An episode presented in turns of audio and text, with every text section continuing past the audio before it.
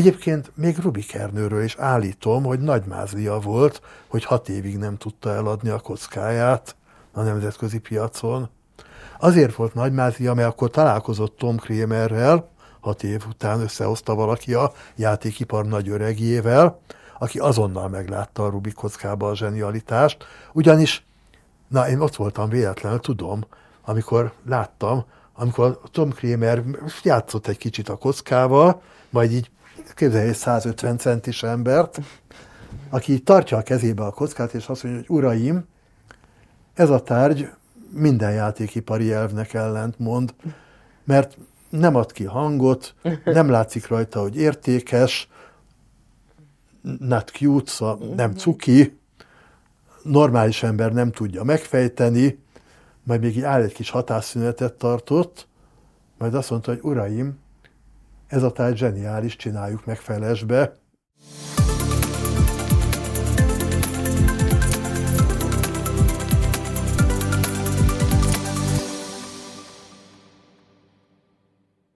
Üdvözlök minden kedves nézőt és hallgatót, aki az Oxo csoport Oxo Coffee Break műsorát követi. Én Csetri Orsolya vagyok, és vendégem Mérő László, akivel társadalmi és játékelméleti kérdésekről is fogunk beszélgetni többek között.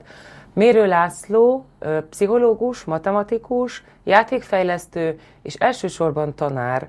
Köszönöm, hogy eljött a stúdiónkba. Köszönöm Üdvözlöm. a Az Oxo Coffee Break sorozatban közéleti, társadalmi, gazdasági témákat szoktunk feldolgozni, adott esetben akár művészeti, egyéni pszichológiai témákat, és úgy érzem, hogy ennek valahol a keresztmetszetében van, foglalkozott matematikával, játékfejlesztéssel és pszichológiával is.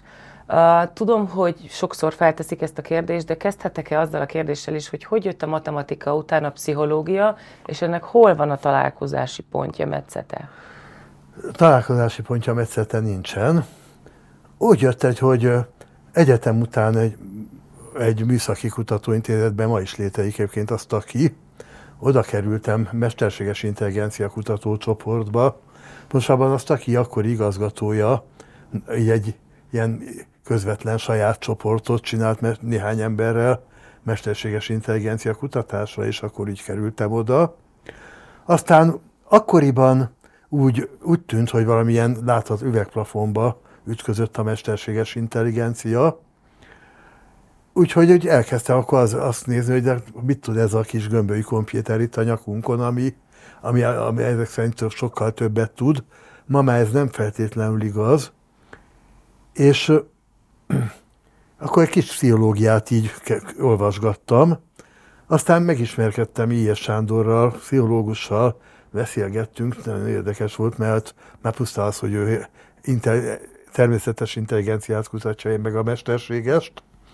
Aztán alapította egy új tanszéket az eltén, kísérleti pszichológia tanszék néven, hívott, és úgy volt kedvem menni azzal, hogy na jó, akkor itt megtanulom, amit a pszichológusoktól lehet tudni erről, aztán majd visszatérek a mesterséges intelligencia kutatáshoz.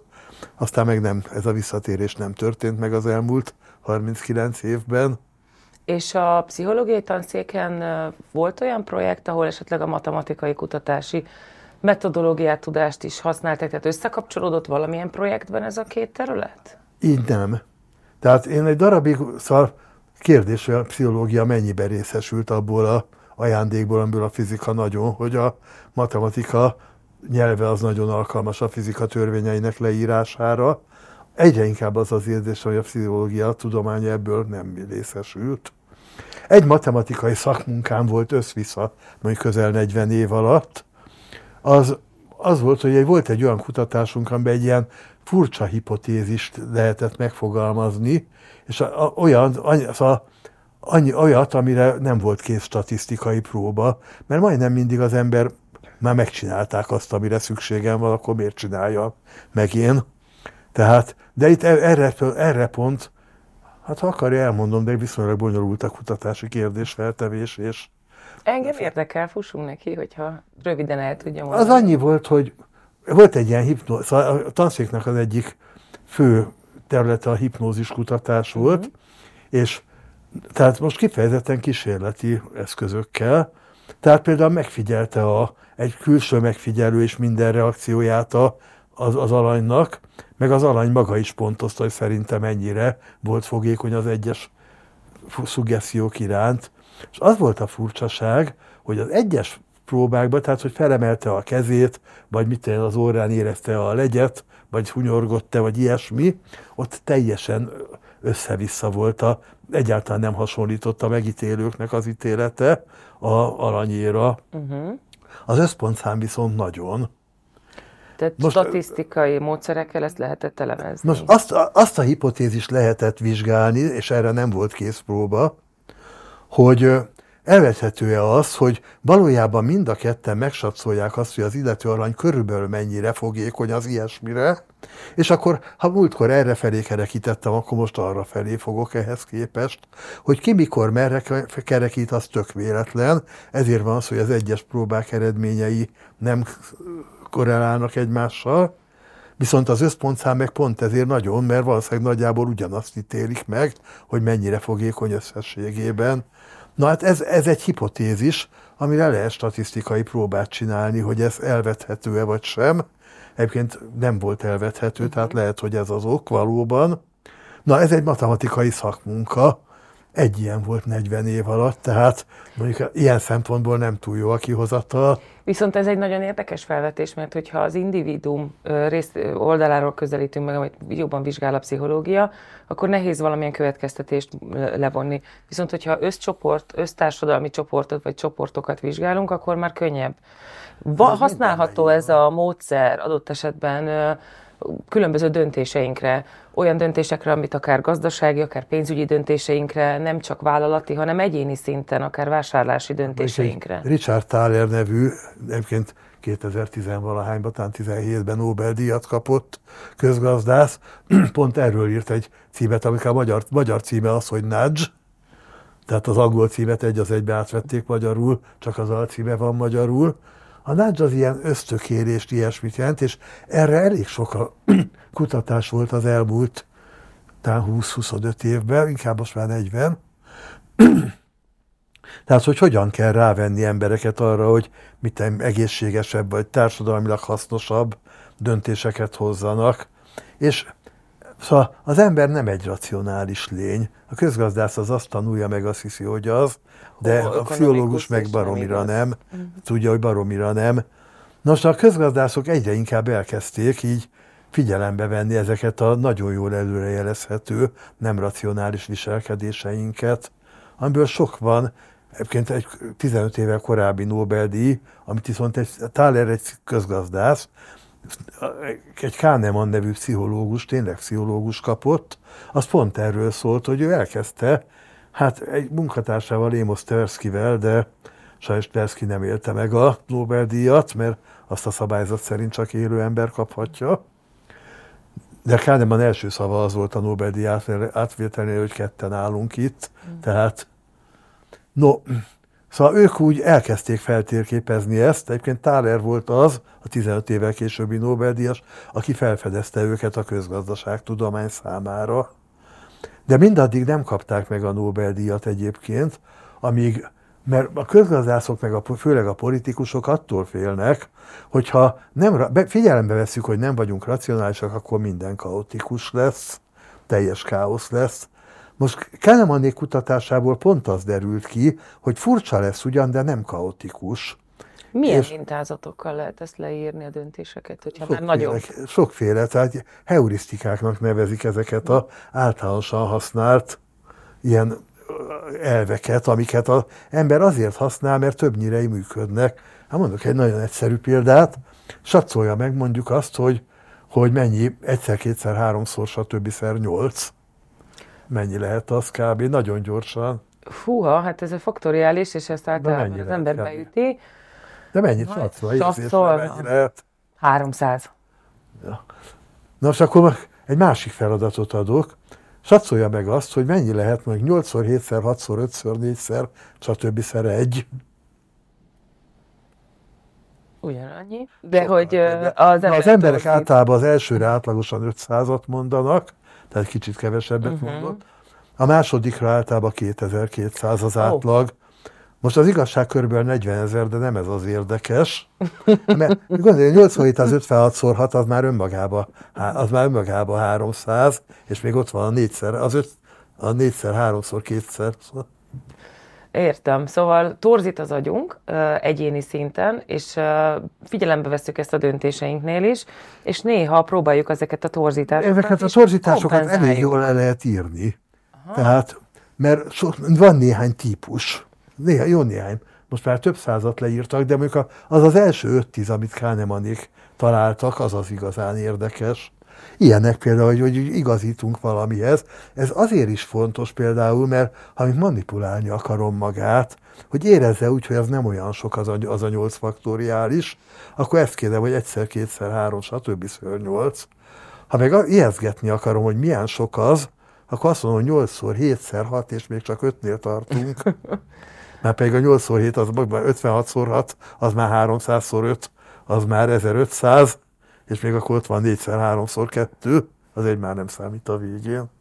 Na, tehát ennyire lehet manipulálni akár az embereket, azzal, hogy például hogyan keretezem a kérdést, de van más ilyen, más ilyen általában jól működő heurisztika is. Szóval például, Igen? például Na mit gondol, mi a gyakoribb, hogy egy magyar szónak az első betűje R, vagy hogy a harmadik betűje R? A harmadik. Na, ezek szokott szebözni? nem, nem, nem szoktam, de a tipre az R betűvel kezdődő magyar, szám, magyar szavak száma alacsony, viszont biztos, hogy van egy olyan igekötő, hogyha az összes R betűvel kezdődő ige elé az összes típusú ki, be, el, stb. oda teszem, akkor már számosságban az magasabb lesz. Ez volt a logikám. Ez jó érv, de az a helyzet, hogy kevés, kevés ige kezdődik erről. Főnév sokkal több, és azért meg nem lehet oda tenni. Na, azért érdekes, mert a legtöbben, ugye könnyű, mert répa, retek, mogyor, nagyon magyarul az pont nem kezdődik, de nem is harmadik benne az R. Nem is. Korán az, ott a harmadik azért reggel ritkán rikkant, hát rigó. Szóval, tehát könnyebb előszedni olyan szavakat, amelyekbe az első betű R, mint a harmadik. Egyébként valóban a harmadik a gyakoribb, jóval. Akkor rajtam nem működnek a heurisztikák. De működnek. volt, egy, volt egy másik heurisztikája, ami, ami ilyen is van, a szimulációs heurisztika, tehát hogy megpróbálok helyzeteket előállítani. Hmm. Tehát például mondjuk egy, egy tipikus ilyen példa az mondjuk, hogy, hogy, hogy hát dugóba keveredek, és, és elkéstem a repülőgépet, pont akkor száll föl, amikor odaérek, vagy egy másik lehetőség, hogy dubóba keveredek, és hát olyan reménytelmel felszállt a repülőgép, és még az út felénél se vagyok, melyiknél fogok jobban bosszankodni. Amikor az orram előtt száll fel, Persze. nagyobbnak érzem a veszteséget, hát közben, de közben ugyanaz. Ugyanaz, sőt. sőt, még abból a dugóból lassabban fog szabadulni is. Igen.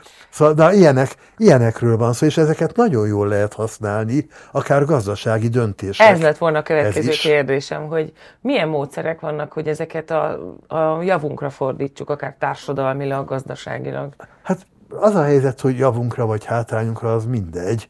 Tehát az a helyzet, hogy jó célra ugyanaz az eszköz kell használni, mint rossz célra, profi módon.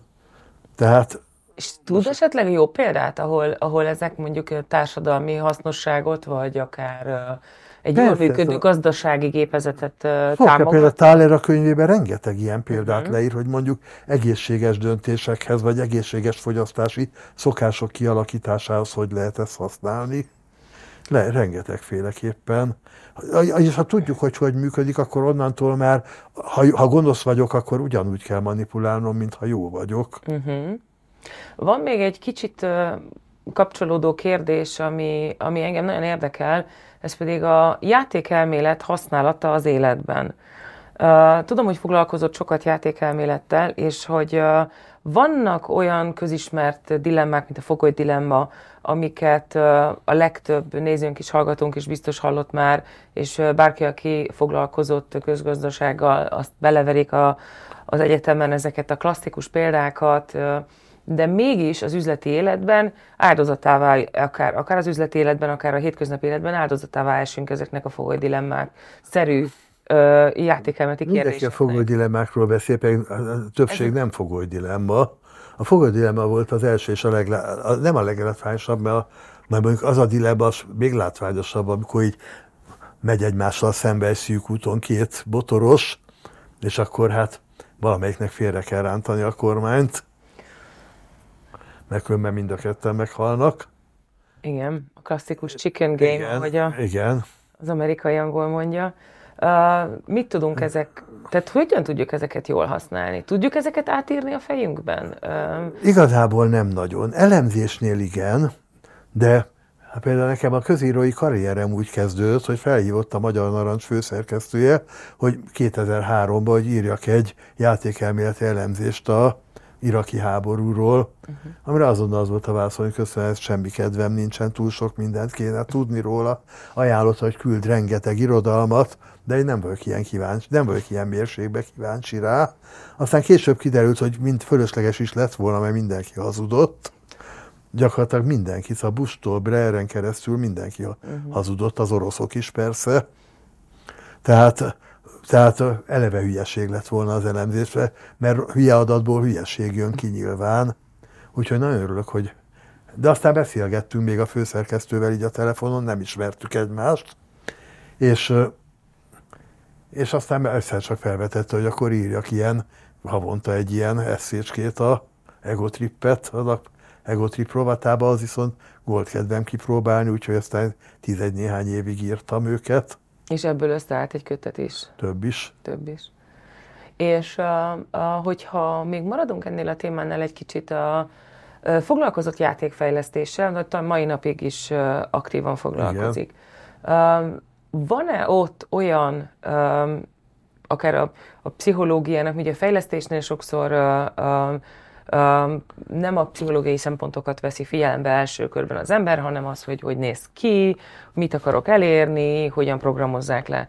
De a játékfejlesztésben hogy, jön, hogy kapcsolódik be az a pszichológiai tudás, ami, amit ön megszerzett, vagy amit szeret, vagy van-e ilyen cél, hogy használjuk-e valamilyen célra? Így direktben nincs. Uh-huh.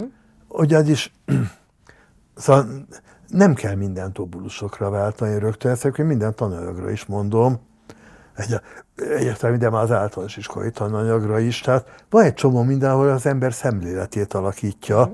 Tehát az, hogy én játékelmete, meg játékfejlesz, meg pszichológiával foglalkoztam, az úgy kialakított bennem egy olyan szemléletet, hogy, hogy nagyjából mi az, ami feltehetőleg fog működni, és mi az, ami nem.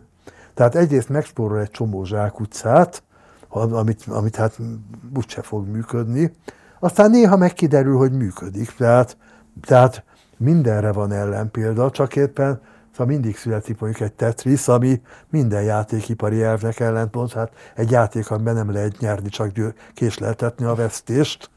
Mégis a Tetris az ilyen. De azért a Tetris az egy zseniális játék. Egyetlen egy később, egyetlen egy utódja nem lett sikeres. Talán még a, a Dr. Mario, de az, az se vagy a Rubik kocka például, tehát egy rejtvény, amit normális ember nem tud megfejteni, de még szakember se. És ennek ellenére viszont meg lehet tanulni.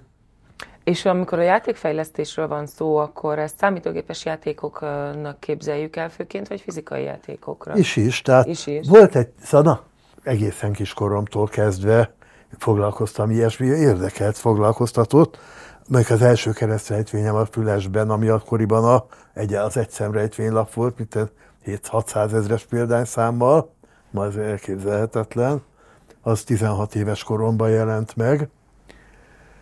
De aztán végig, szóval Szerpantal nyomán végig volt bennem egy ilyen, hogy legyen az ember életében valami, amiben profi tudású amatőr, és ez többnyire a, a, a játékfej és rejtvénykészítés volt. Volt egy 15 év az életemben, amikor egy játékfejlesztő céget vezettem, akkor persze ezt az attitűdöt félre kellett tenni, mert akkor nem lehetett amatőr módon. Igen, igen, tehát akkor, aztán most megint, akkor kezdtem el például közírni, szóval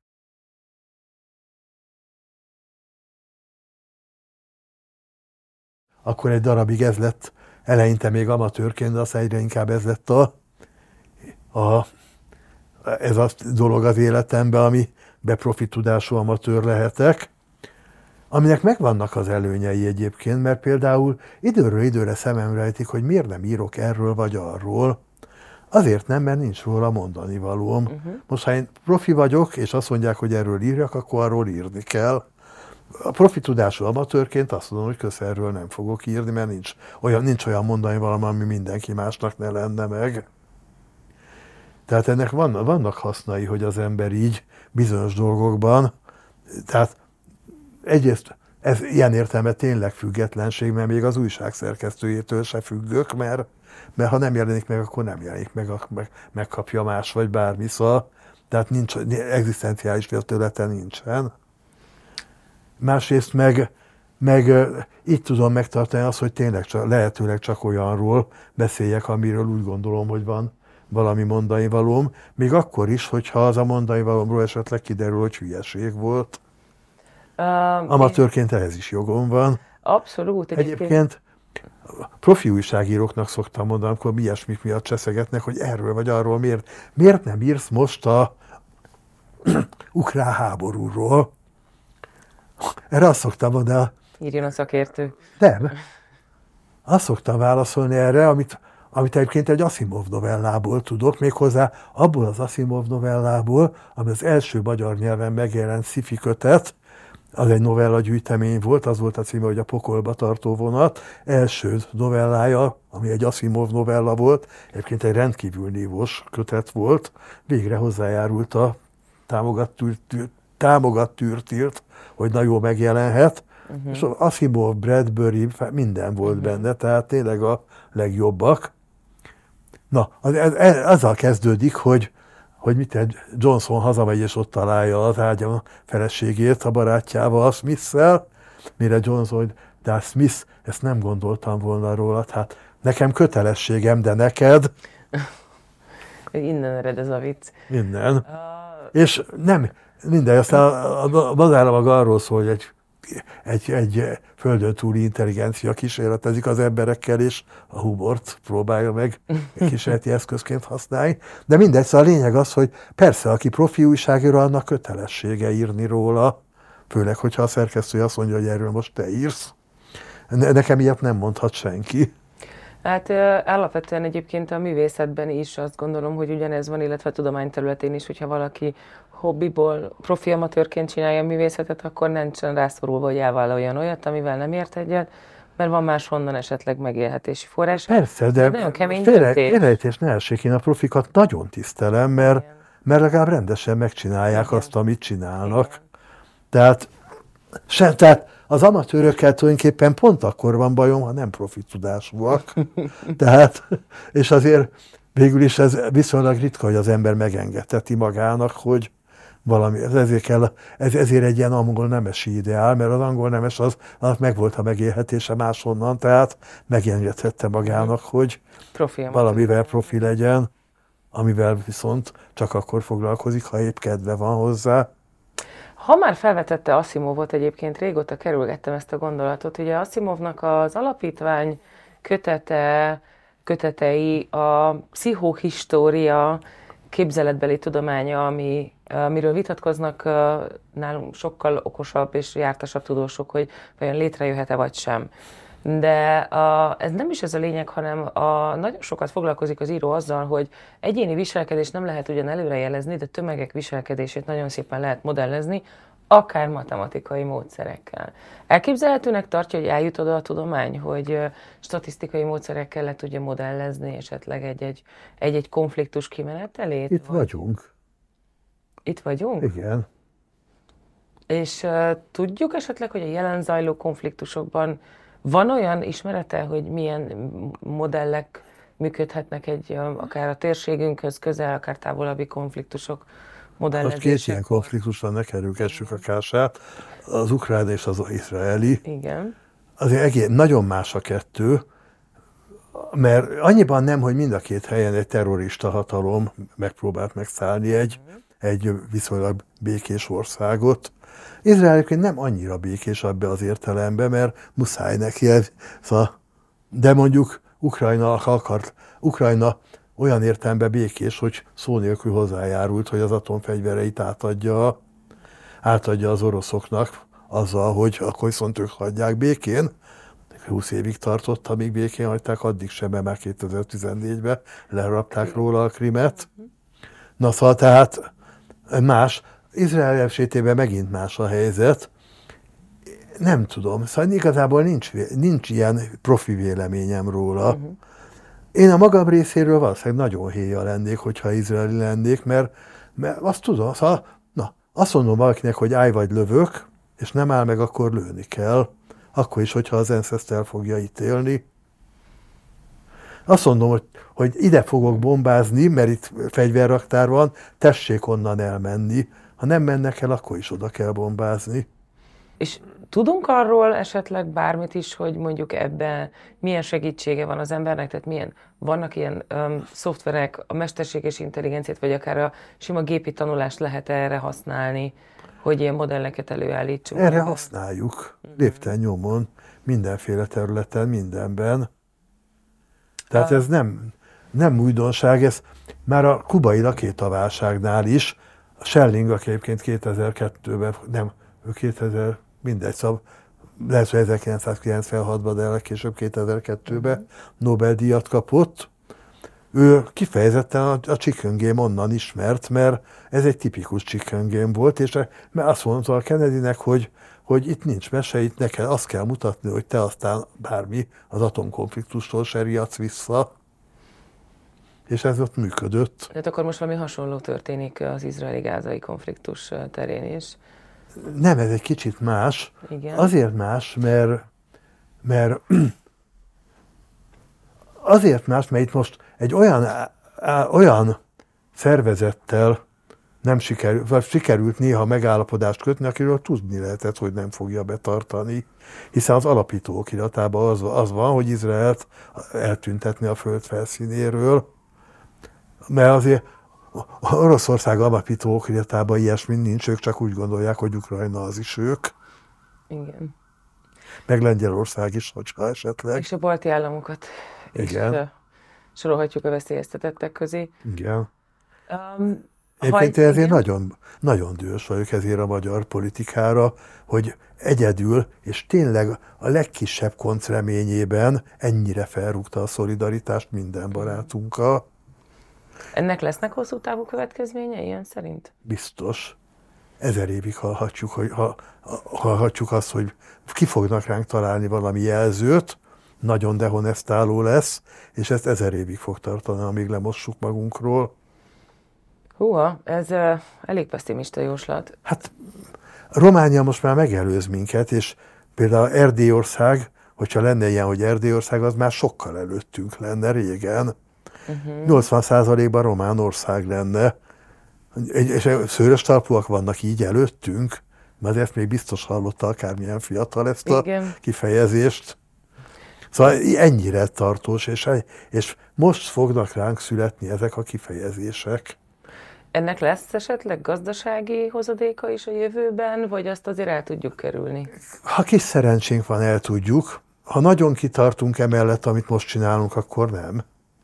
Uh-huh. Alapvetően uh, uh, azt gondolom, hogy, a, a, hogy olyan helyzetben vagyunk, ahol akár csöndben is maradhat az ország, akár kiállhat valami mellett, viszont annak, hogy mit dönt, annak van hosszú távú hatása. Ezért És van, ez mondom, az, mert... Ki lesz, mert... a, ki lesz a, most... a ligába, ki lesz abban a csapatban, amiben mi játszunk, mi melyik csapatban játszunk, az, az fontos. Lengyelország most megfordult, és Európa része lesz pillanatok alatt, meg is fogják kapni a pénzeiket. És nagyon erős az orosz ellenesség a lengyel társadalomban. Hát nem csoda, mert kétszer szüntették meg az oroszok az államiságukat. Ne, minket csak egy szabadságfartba vertek le, de az államiságunkat még ott se szüntették meg. Uh-huh. Hát visszatérnék uh, uh, kevésbé háborús vizekre, és uh, uh, nekem sok... Hát háborúsokra is te tértél. ez, ez abszolút így van, ezt elismerem. Uh, szóval szöget, hogy meg, meg, megmaradt valahogy a fülemben az a mondat, hogy 15 évig játékfejlesztés, aztán utána mégsem, és most megint. Nem, nem. Után, ezt valahogy rosszul nem, értettem? Nem, 15 évig játékfejlesztés, akkor nem tettem ezt, hogy amatőr módon Igen. csinálom. Tehát akkor, ha el kellett vállalni Evander Holyfield Boxing című játékot, el kellett vállalni Batman játékot, amit, amire éppen tudtunk szerződést kapni. Én azért magamtól nem biztos, hogy Batman vagy boxolós játékot csinálnék. Tehát azóta? Azóta megint amatőr, profi tudású amatőr csinál. Most például így, hát most van egy érdekesség, aminek az utolsó feljavadását még nem mondhatom el, az a baj. Az első két felvonását el tudom mondani, az mhm. első hárma. Bevontak egy ilyen szabaduló szoba fejlesztésbe, és ott kitaláltam, hogy mit tenni, az asztal tetején kelljen valamit így pakolászni, és akkor majd kinyílik egy fiók, ha összerakta. Annyira szerették el, hogy végül is háromfélét is kellett ilyet, és három fiók nyílt ki. Ez egy számítógépes, vagy egy Nem, ez egy teljesen fizikai életjáték. Uh-huh. Tehát, hogy így van, van egy mindenféle négy téglalapok, és azzal le kell fedni az asztal tetejét. Aztán arra jöttem rá, hogy ebből egy nagyon sokféle és jó, érdekes rejtvény csinálható, úgyhogy csináltam vagy néhány százat, megírtam, meg azt láttam, hogy ez vagy nagyon fejleszti a, a rugalmas gondolkodást. Szóval bizonyos értelemben pont az ellentéte a Rubik, az antitézis a Rubik kockának. Mm-hmm. Annyiba, hogy a Rubik kocka az zseniális mechanika, attól, ilyen, attól lett ekkora siker, játékként gyakorlatilag használhatatlan normális ember nem tudja megfejteni. Van egy és, konkrét módszertan, amivel működik. De, egyébként a Rubik, a Rubik valami nagyon fontosat csinált a világba ezzel, körbe olyat, mint amit a Rowling, a Harry Potterrel. A Rowling végül is elolvastatott több tízmillió gyerekkel 3000 oldalt, egy olyan korban, amikor azt hittük, hogy a gyerekek már egyáltalán nem olvasnak. Most a Rubik az meg megtanultatott, szóval meg, adott egy olyan élményt sok tízmillió gyereknek, hogy itt van egy feladat, baromi nehéz, hozzászagolni se tudsz, tanulsz egy napot, kettőt, megtanulsz néhány ilyen forgatás sorozatot, azt rendesen begyakorlod, és akkor utána nem, hogy meg fogod tudni oldani, hanem élvezni is fogod, mert élvezetes tekerni, uh-huh. és mindenki tisztelni fog, tehát te meg tudod, össze tudod rakni a Rubik kockát. Fennmaradnak ezek a játékok? Azért van a Rubik kocka az, az biztos, hogy fennmarad, az uh-huh. ugyan, mint a labda meg a baba is fennmarad, tehát klasszikus játékká válik. Uh-huh. Már most is nem kell el belőle még egyszer egy évben 300 millió, mint a csúcsévébe, de máig is év, a világon másfél-két millió példányba elfogy, ami iszonyú sok. Ez tényleg a labda a uh-huh. példányszáma.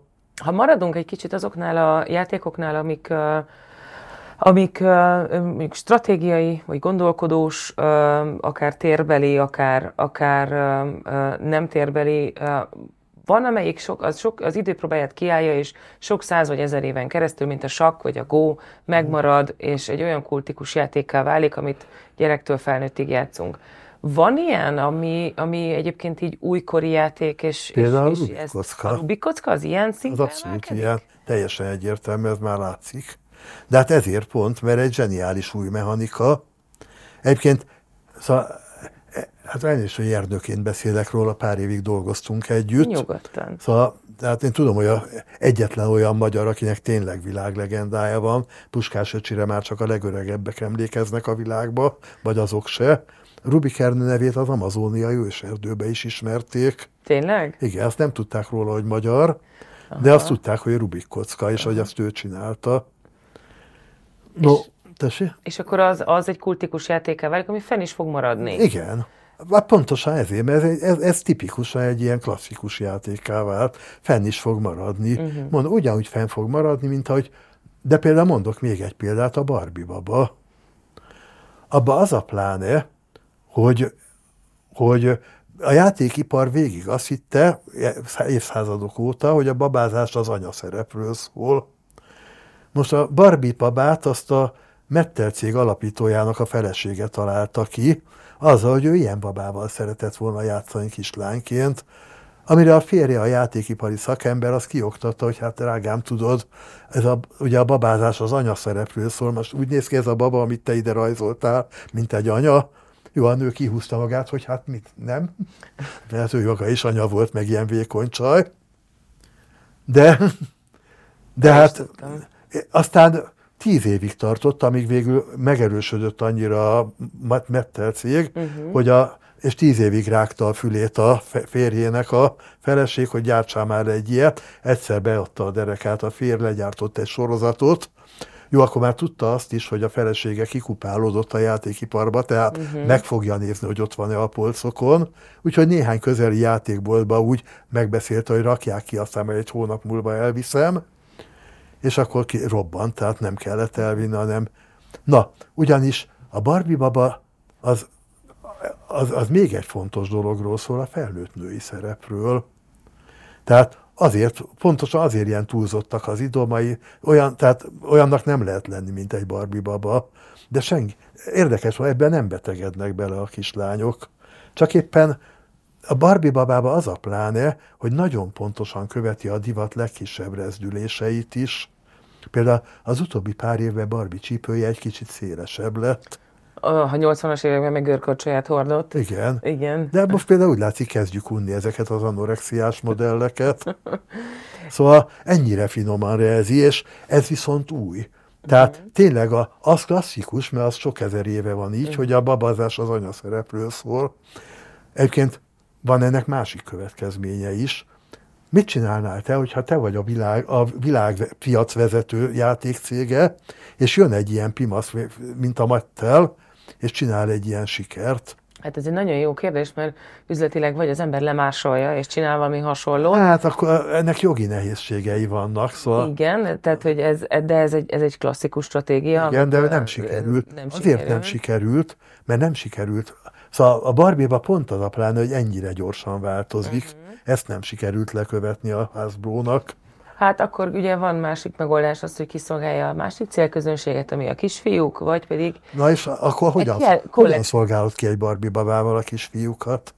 Transformátorokkal, nem, nem, nem, nem tudom, mert nem, nem ez egy nagyon jó kérdés, de egy kollekciót is adhatnak hozzá ahhoz az e- eszköz. Nem, a, a, a Ken az volt mindig is, az kit érdekel.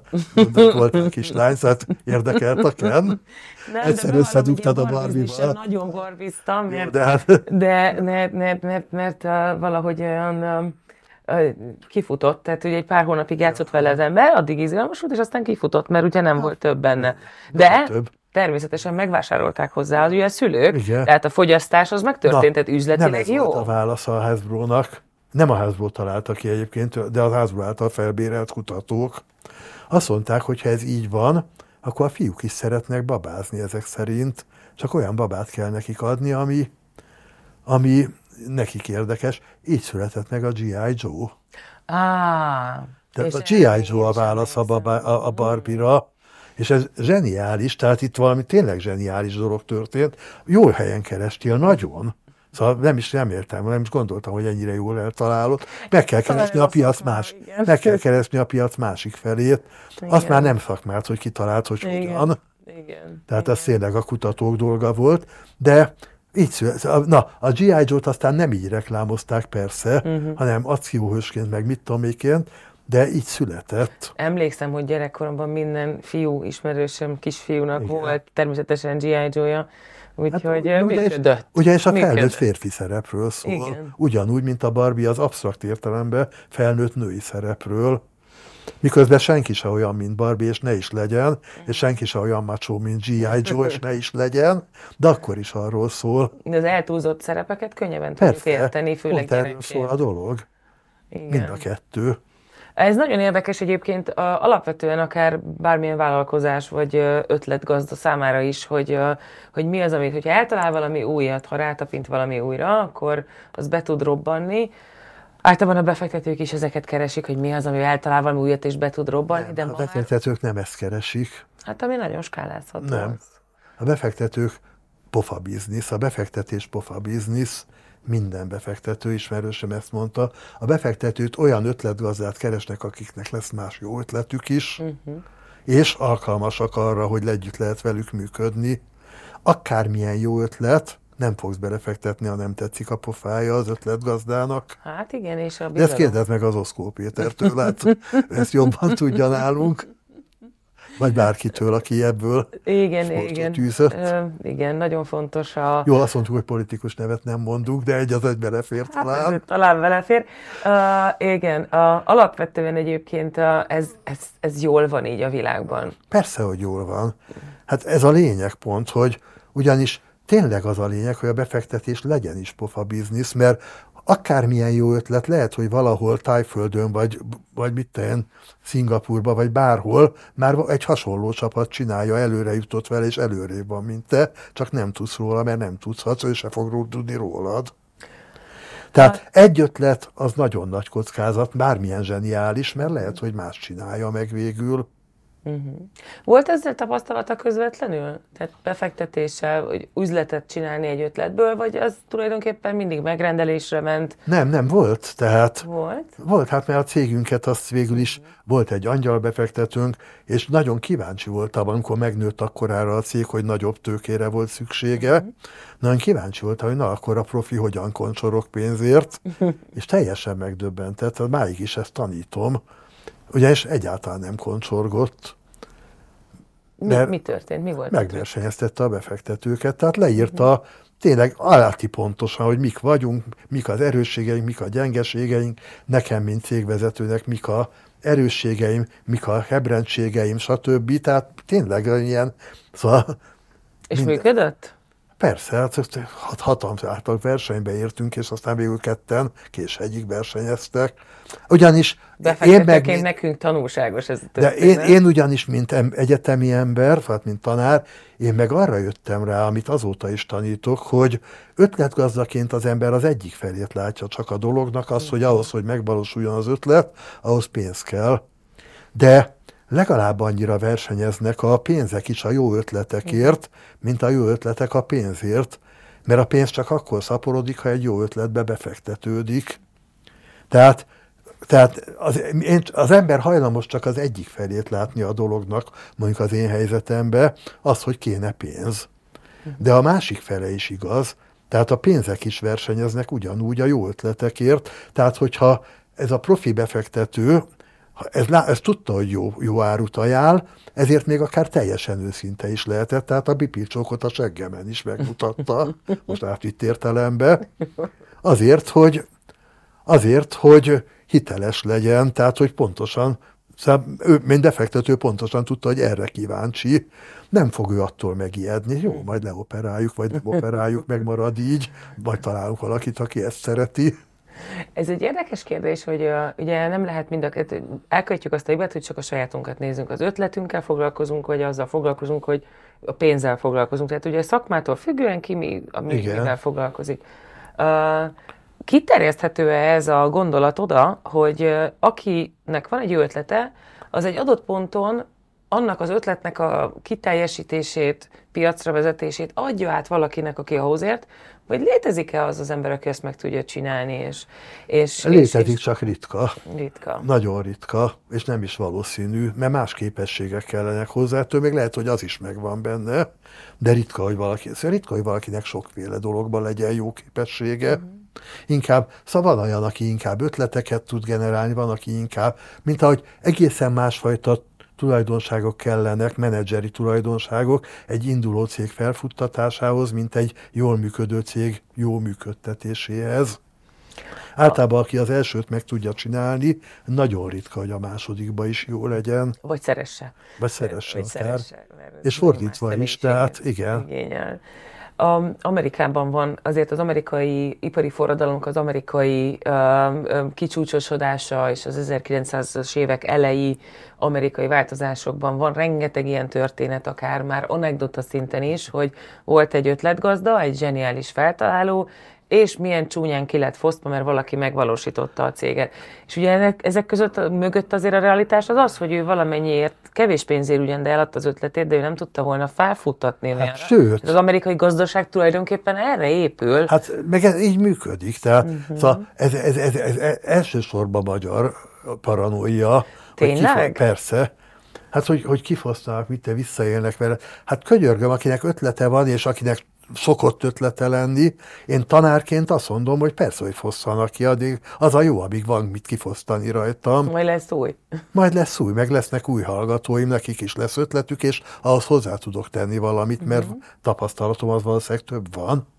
De, szóval mi az, hogy kifosztják? Hát van, akit muszáj kifosztani egyszer, mert nem lehet vele együttműködni, viszont amit csinál, arra szükség van. Akkor előbb vagy utóbb valaki ki fogja fosztani, mert, mert együttműködni nem lehet vele, mert uh-huh. egyébként még Rubikernőről is állítom, hogy nagy mázlia volt, hogy hat évig nem tudta eladni a kockáját a nemzetközi piacon. Azért volt nagy mázlia, mert akkor találkozott Tom Kramerrel, hat év után összehozta valaki a játékipar nagy öregjével, aki azonnal meglátta a Rubik kockába a zsenialitást, ugyanis, na én ott voltam véletlenül, tudom, amikor láttam, amikor Tom Kramer játszott egy kicsit a kockával, majd így képzelj egy 150 centis embert, aki tartja a kezébe a kockát, és azt mondja, hogy uraim, ez a tárgy minden játékipari elvnek ellent mond, mert nem ad ki hangot, nem látszik rajta, hogy értékes, not cute, szóval nem cuki, normális ember nem tudja megfejteni, majd még így áll egy kis hatásszünetet tartott, majd azt mondta, hogy uraim, ez a táj zseniális, csináljuk meg felesbe, most állítom, hogy az Ernő még egy évvel előtte is, öt év sikertelenség után is felháborodott ajánl, utasított volna vissza egy ilyen ajánlatot, hogy a ő zseniális ötletét valakivel felesbe csinálja meg. Miközben ahhoz, hogy a kocka világsiker legyen, 50%-ba kellett legalább az, hogy valaki megbássa benne a zsenialitást. Uh-huh. Hogy tehát valaki, akinek megvan a ereje ahhoz, hogy a nagy szereplőket meggyőzze arról, hogy ebbe érdemes belefektetni, érdemes belevágni, és meglátja, hogy mint, mit fognak ebbe szeretni. Tom Kramer nem Rubikernő találta ki azt, sőt tiltakozott ellene minden erejével, hogy a kocka csomagolásába rakják bele a megoldását is. Uh-huh. Egy normál rejtvényjátékban nem rakjuk bele a megoldást, miért raknánk, az elrontaná de ez is a Tom Kéne zsenie kellett, hogy ez egy olyan játék, amiben bele kell rakni. Uh-huh. Attól Különben nem lesz sikerélmény. Különben soha. soha nem durran el, hát senki nem fogja megoldani. Uh-huh. Én állítom, hogy az egész világon nincs ezer ember, aki minden külső segítség nélkül megoldotta a kockát. Mindenki így vagy úgy folklórból, másoktól, akár könyvből, vagy akár magából a leírásból megtanult egy-két dolgot, és utána élvezte. Uh-huh. De ez egy ilyen játék, ilyen játék eddig nem volt, most meg van. Tehát nehogy félreérts, egyáltalán nem gondolom, hogy ez egy hülyeség, sőt, csak nem az benne a pláne, amit gondolunk, hogy na, akkor egy zseniális játékot kitalált. Hát én még záró gondolatnak, vagy egy kérdésnek, ezt nagyon szívesen körbejárnám, hogy van-e valami, amit mi tudunk állítani itt Magyarországon, Európában a gondolkodásmódunkon, hogy nyitottabbak legyünk ezekre a felesbe megcsináljuk, nem fosztanak ki életérzés. Hol, hol van az, amit mi ezzel ellen tudunk tenni? Hát először is le kell szokni arról, hogy dögöljön meg a szomszéd tehene. hát kettőt és könnyebbet. De és hogy arról hogyan szokunk le? Hát azt nem tudom. Azt nem. Tényleg nem tudom. Néha látok jó, nagyon biztató jeleket, de keveset, szóval, uh-huh. de mhm. egyet, egyet, egyet. Most például megint politikáról lesz szó, szóval most éppen vadítva vannak az emberek meg erről, hogy duplán dögöljön meg a teher szomszéd tehene.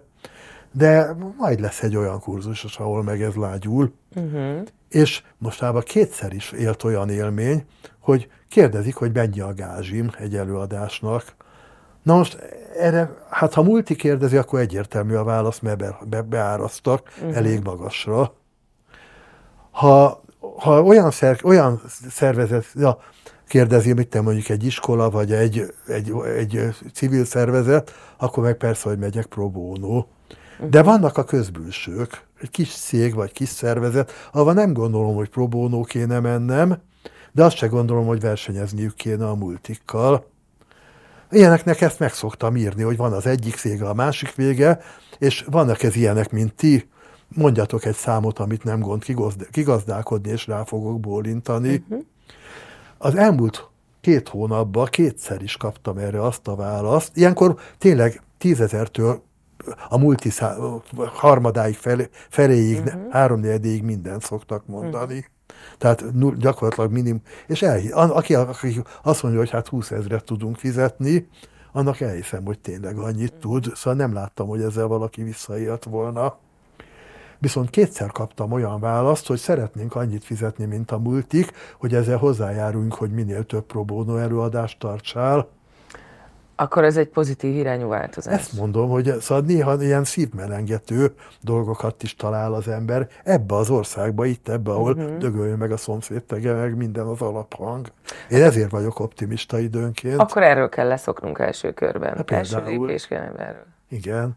Nagyon-nagyon szépen köszönöm, hogy eljöttél, Igen. hogy megtiszteltél minket a, a gondolataiddal. Számomra nagyon izgalmas volt, és a faktoriálisos tesztekkel még nyugodtan, majd az adás után bombáz engem, mert engem ez nagyon érdekel. És külön örülök, hogy tudtunk beszélgetni ennyire sokféle témáktól, a befektetéstől, a játék, játék fejlesztésen át az Asimovig mindenről. Úgyhogy nagyon szépen köszönöm még egyszer, hogy eljöttél, és vendégünk voltál. Itt mai adásunk véget véget tartsatok velünk a következő epizódokra is, és én is visszajövök. Köszönöm szépen, viszontlátásra, sziasztok!